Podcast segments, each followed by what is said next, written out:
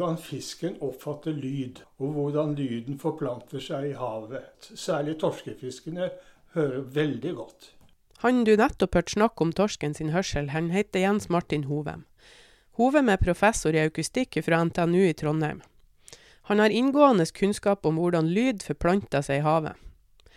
Dette er Tekfisk, podkasten om teknologi og forskning i sjømatnæringa. Jeg heter Lena Knutli, og i denne episoden så har jeg snakka med han Hoem om hvordan menneskeskapt støy påvirker fisk og annet marint liv.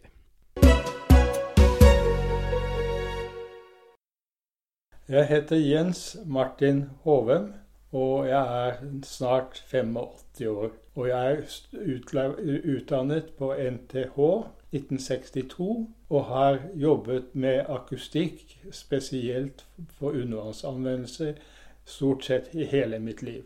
Den første jobben jeg fikk, var faktisk i Italia. Hvor jeg jobbet som forsker ved det som het Sackland Undersea Center. Og arbeidet med anti-ubåtkrigføring. Deteksjon av undervannsbåter i ledd av den, den kalde krigen, da, opprinnelig. Yes. Hva jobba du med der, da? Jeg jobbet med signalbehandling og undervannsakustikk. Og Det var de to tingene jeg kunne egentlig. Så det er mye matematikk her. Og så har jo jeg tatt kontakt med det nå fordi at jeg har lyst til å lære litt mer om eh, hvordan akustikk og menneskelig skapte lyder påvirker livet og fiskene i havet. Så da håper jeg at du kan eh, være den som forteller meg litt om det. Jeg skal gjøre så godt jeg kan. Ja.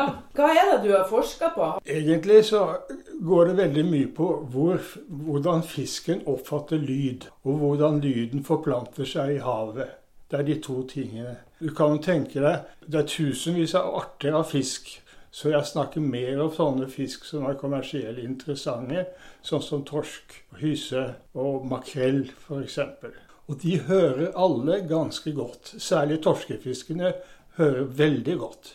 Og så kan du tenke på hørsel for, for, fisk på samme måte som hørsel for mennesker. Det er veldig likt. Men det store forskjellen er at vi har fisken er i vannet, og menneskene er i luft. Og da blir det veldig store forskjell. Så de som er vant til at de begreper som DB f.eks., må glemme hva de har lært om det i, i luft. Fysikken er den samme, men, og luftakustikkerne har én referanseverdi. Og i vannet så er det en annen referanseverdi. Slik at hvis du glemmer å nevne referanseverdien, så får du en helt galt inntrykk. Nettopp. Ja, og det er, er 50-60 desibel forskjell på de. Så jeg sier som regel til folk som mener at de kan noe om lyd i luft, f.eks. lyd fra gressklippere, ikke sant? så sier jeg bare glem det, hva du har. Det er noe annet vi snakker om nå. Ja, og da leder jeg meg til å spørre hvor langt bærer lyder under vann? Utrolig langt. Og langt lenger enn i luft. F.eks. så kan du, hvis du bor her som vi bor her, som er ca. 10 km Lerkendal stadium, kan vi høre brølene under visse forhold, atmosfæriske forhold. Men det er maksimalt. Lys som er generert av seismiske undersøkelser, har gjerne en maksimal grense for hvor nært, en, hvor nært du kan operere nær en fiskebestand, på ca. 30 km. Det er utrolig langt. Så da kan du snakke om forskjell på 1 km og til 30 km. Og hvis du skal detektere undervannsbåter på lang avstand, så snakker vi om 100 km.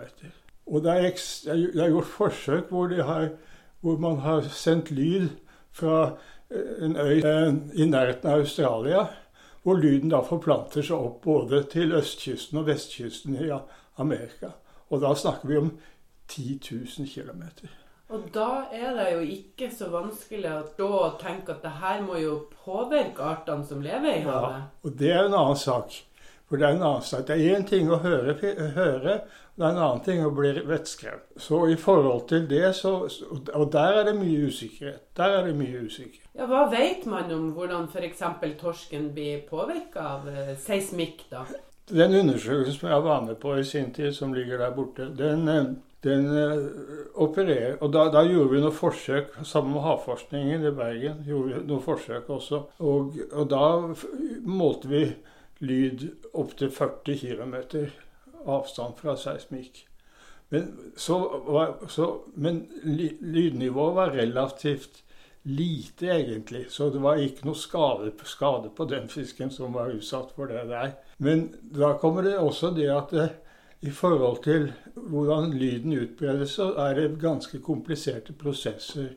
Sånne bilder som du har foran deg her nå, det viser hvordan lyden pga. de oseanografiske forhold fokuseres i visse områder.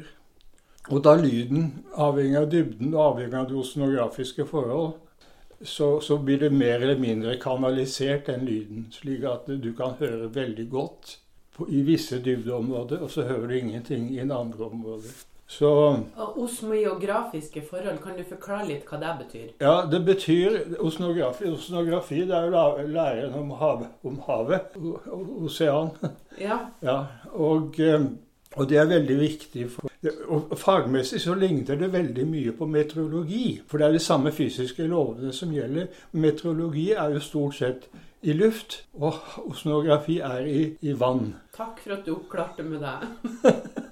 Når dere gjorde de her forsøkene, kunne dere oppleve noe eller erfare noe på fiskene? På det, det, det, skal jeg ikke ta æren for, det ble gjort av Havforskningen. Men de hadde også kamera omkring på Altså, seismikkbåt går med konstant hastighet på fem-seks knop eller noe sånt. Nå. Og så skyter den et skudd. Og et skudd det er et luftkammer som er pumpet opp og så åpner de Bør kanskje definere hva som er lyd, egentlig. Lyd er mekaniske bevegelser.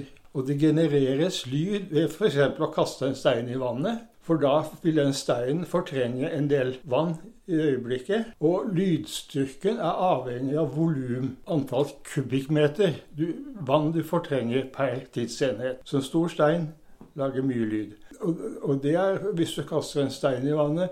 En luftkanon som brukes i seismikk, er et kammer. Og så, på et gitt signal, så utløses det med at man åpner en ventil. Og da strømmer jo vannet inn i det hulrommet. Og det genererer lyd på samme måte. Og det er en veldig sterk lyd. Og helt inntil fisk, så er, fisk, så er det, det lyden som den genererer, er dødelig. Ja. Det er opplagt. Det at den er dødelig, er ikke noe stor bekymring, med mindre du syns det er synd på fisken. Men da burde vi egentlig etter komme inn på noen andre ting, og det er lyd av hvordan lyden påvirkes, påvirker sjøpattedyr. Og det er en mye mer alvorlig sak. Ja, hvorfor det? Ja, for de er så søte, disse dyrene. Så det er mye emosjonelle tanker omkring det der. Nettopp generere en mer um, empati hos folk. Ikke sant? Mm. Ja. Og så, og så, reagerer de også veldig De er intelligente. Så de kan tolke disse signalene veldig mye. Slik at det, det, har, vært, det har, vært, flere tilfeller hvor, hvor eh, hvaler har gått uh, berserk, egentlig. Gått på land og stranda og slike ting. Men for, fisk så er, jo, er vi jo ikke så veldig opptatt av hvordan de har det, egentlig. Nei, Men det begynner jo å bli en større hva skal jeg si, oppmerksomhet knytta til fiskevelferd òg. I form av at vi driver med så mye oppdrett, så er det et stort tema. Og så forplanter det seg videre til de ville. Men når du, når du vet så mye om at det her faktisk påvirker både fisk og pattedyr i havet, hva tenker du? For det blir jo større og større aktivitet knytta til kommersiell industri Altså, når det gjelder denne, den studien som jeg nevnte, som er betalt av Fiskeridirektoratet og Oljedirektoratet, så var det det var, det var, det var trigga eller initiert pga. at folk begynte, begynte å bli veldig bekymret. Og særlig fiskerne var jo veldig opprørt. Fordi at de mente de tapte masse, masse, masse penger på det. Og, og staten stopp, steppa inn med med hundrevis av millioner kroner for enkelte eh, toktsesonger. Og, og, det var spesielt torskefiske som pågår nå, skreifiske. Og, og, eh, og makrellfiske. Makrellfisken er veldig annerledes enn andre, så skal vi ta senere, kanskje. Men det som, det som ble løsningen på det, var faktisk nærmere samarbeidet mellom, mellom de som drev med seismikk, og de som drev og fisker. Slik at nå, så vidt jeg vet til i dag, så er det på hvert seismikkfartøy, og det er mange seismikkfartøy som går på kysten, så er det en fiskerikyndig som er med der. Som, som samarbeider med, med den, den, de, de seismikkbåtene. De båtene, seismikkbåtene er enormt store. Der, der, har de da gått sammen med samarbeidet, slik at fiskerne blir varslet i god tid når det blir seismikkskyting, slik at de kan planlegge sine, sine fiskeaktiviteter til en viss grad. Og oljeindustrien kan planlegge, varsle når Så, så de har løst seg ved forhandlinger, faktisk. Ja. For det er ikke snakk om å gjøre en generelt, som du var inne på, tror jeg, også gjøre et generelt forbud. Støybegrensningsperiode? Ja, nei, det, det, tror jeg ikke noe særlig på. For, dess, for dessuten så blir det, blir det ikke må det være internasjonal enighet. Og det tror jeg sitter langt inne. Ja. Det er en større debatt som vil ta lang, lang tid. Ja, ja. Så det er bedre med forhandlinger, egentlig. Ja, det, så det tror jeg på. Men er du bekymra for artene i havet, nå? Det som, det som er et faktum, er at i den senere tiår, 20 år, pga. øket skipsfart, har støybildet øket veldig mye. Og det er snakk om en tidobling, og da snakker vi desibel, så det er liksom en, en, en ti, ti, tidobling av, av, støyintensiteten i gjennomsnitt i visse, om, i visse, områder. Det er særlig sånne områder som Engelsk kanal, f.eks., hvor det kommersielle trafikken har øket år for år. Verdenshandelen har øket fra år til år. Også til en viss grad så kommer også militær bruk av, av, av sonar. Det må vi også snakke litt om. For der er det og der er det Forsvaret som er problemeiere der. Så de har en aktiv politikk på hvordan de skal sette begrensninger på sitt eget bruk av sonarsystemer i fredstid, da vel å merke. Slik at de, når de starter opp de store sonarene, og de er store, kraftige, mange, mange, mange kilowatt, så starter de forsiktig. De er pålagt å starte forsiktig, slik at de kan gi hvaler i nærheten en rimelig sjanse til å forsvinne og, og finnes andre steder oppe. Ja, men det er jo stor konkurranse om havet, da. Det må jo gå utover de her beboerne i havet. ja, det, ja, ja, ja. Og så, og så er, er det da påvist enkelte steder at vedvarende støy, altså støybildet, hvis jeg stiger med ti ganger, så kan det også ha en langtidsvirkning ja. på fiskebestanden. Ja, Vil det føre til at det blir endring i vandringsmønster? Endring i vandringsmønster kan det, det, det er postulatet. Jeg vet ikke riktig om det er, om det er funnet sted, altså. Nei. Men det er ting som, som omtales i, i litteraturen. Men det er jo særlig, det er særlig havpattedyrene som man er utsatt for da, for de er intelligente nok til å skjønne hva det dreier seg om. ikke sant? Så du sier at torsken er ikke intelligent? Jo, den er jo såpass det. da. Den er første, første den er intelligent, men også kan, kannibal. Den spiser sine etterkommere. Ja, ja. Vi må snakke litt om frekvenser her. Fordi at de frekvensene, de, de frekvensene som, som, fisken hører, sånn som torske f.eks., det er ca. 100 hertz. Og vet ikke om du vet hvor mye det er omtrent? Nei, det må du fortelle meg. Ja, men jeg har et rom her hvor jeg har noen, noen lydkilder som jeg ikke skulle ha hatt, som, som er på 50 hertz. Og det er sånn brum som det kommer av, av et lysstoffrør som ikke funker, og slike ting. Så det er en sånn? Ja, ja. Så det er lavfrekvent. Og, og, vi hører, mennesker hører det, det samme. Jeg, jeg er jo en eldre mann, så jeg har begrensning. Jeg, jeg, hører ikke over 10 hertz, tror jeg. 10 kilohertz lenger. Det tror jeg. Men det er lave frekvenser. Og fisken hører også lave frekvenser. Torsken hører 100 hertz. Ja, altså, vi prøvde for et par år siden å lage, lage, en bedrift ut av å måle støy i forbindelse med andre aktiviteter. Og det er, det er, det er andre aktiviteter som er, det er, I tillegg til seismikk så er det aktiviteter som har med, med sprenging, undervannssprengning for, havne, for eh, havne, havneutbedring og sånne slike ting.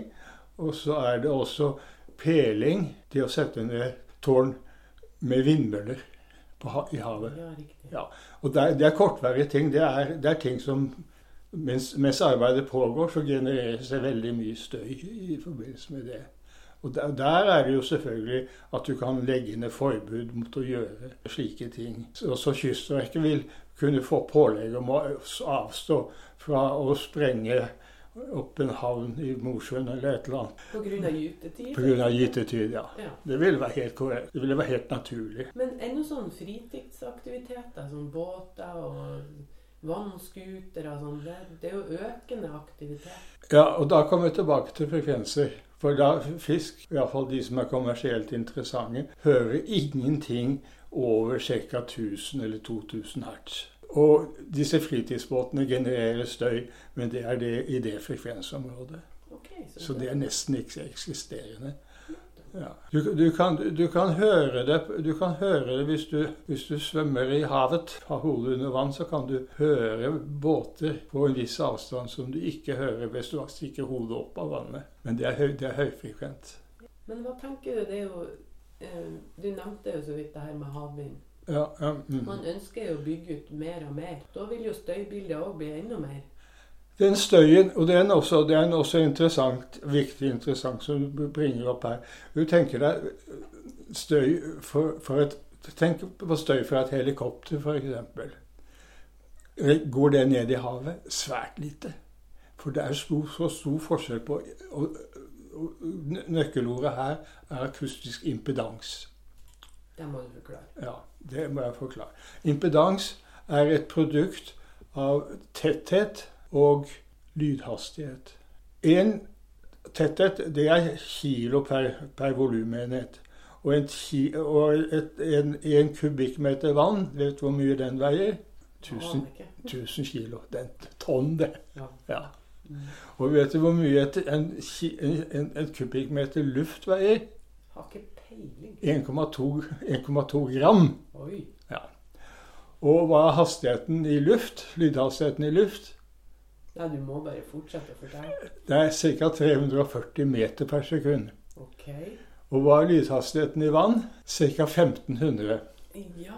Så hvis du ganger 1500 med 1000, for, altså 1500 meter per sekund, 1000 er en, en, en, et tonn per kubikkmeter, så får du et tall som er mange, mange ganger større enn hvis du ganger 1,3 gram. Og den impedansen er det som gjør at, du kan, at, at det får totalrefleksjon.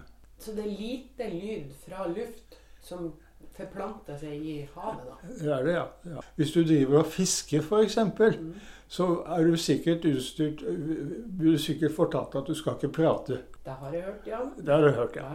Egentlig så kan du godt prate, men det er, det, det, det er fotavtrykket som, som, som, som, Ja, for det er støt. Det er støt, ja. ja som forplanter seg. Ja, ikke sant. Det er, du bør heller sitte i ro når du fisker. Men så da er du i utgangspunktet ikke bekymra for at støy fra Vindturbiner? Ikke fra turbinene, nei. Men det, det, arbeidet som pågår å lage disse grunn, altså fundamentene, ja. det er veldig støyende. Det er veldig støyende. Men vet man noe om hvordan det eh, støy, støy påvirker andre marine arter? Havet er jo stappfullt av ja, skapninger, hvis jeg kan kalle det så mye Det er jo så mange arter, vet du. Ja, det, er det er så mange, mange arter. Og, eh, og jeg vet lite om det. For det som, det som, vi har fått oppdrag på, det gjelder jo mer kommersiell fisk.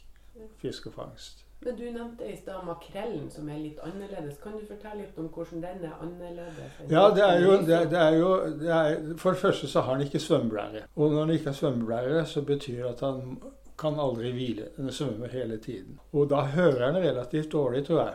Men eh, den, den eh, er jo også en fisk som opererer i store stimer.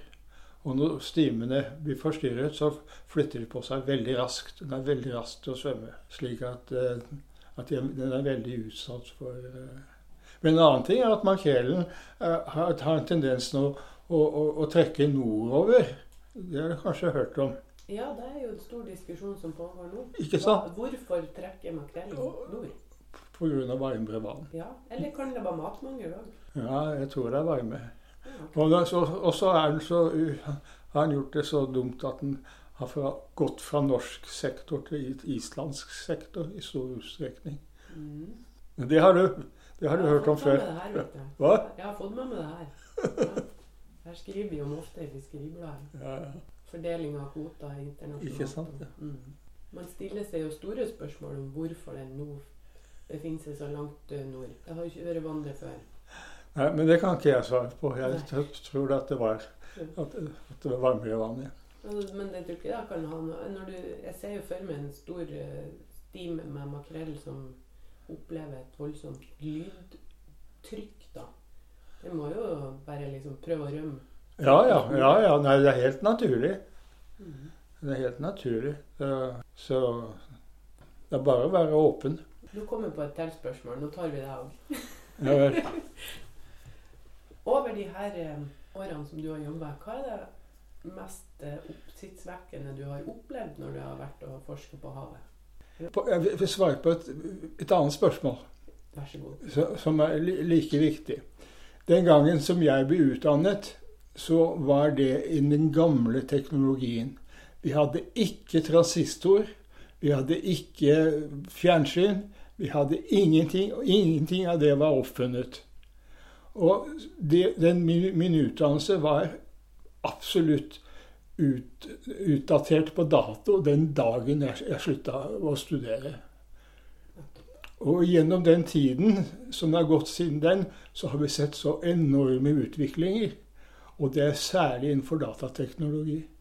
Slik at matematikk er blitt veldig mye viktigere enn det var. For matematikk kan vi nå muliggjøre bruk av store datamaskiner, som er blitt mindre og mindre for hvert år. Og, og, og, og i halehenget på den teknologiske utviklingen ligger alle andre vitenskaper. Tusen takk Jens Martin, for at du tok deg tid til å snakke med Tekfisk. Ja, det var veldig, veldig interessant å, å, bli utsatt for en profesjonell intervju. Det har jeg aldri, aldri opplevd tidligere.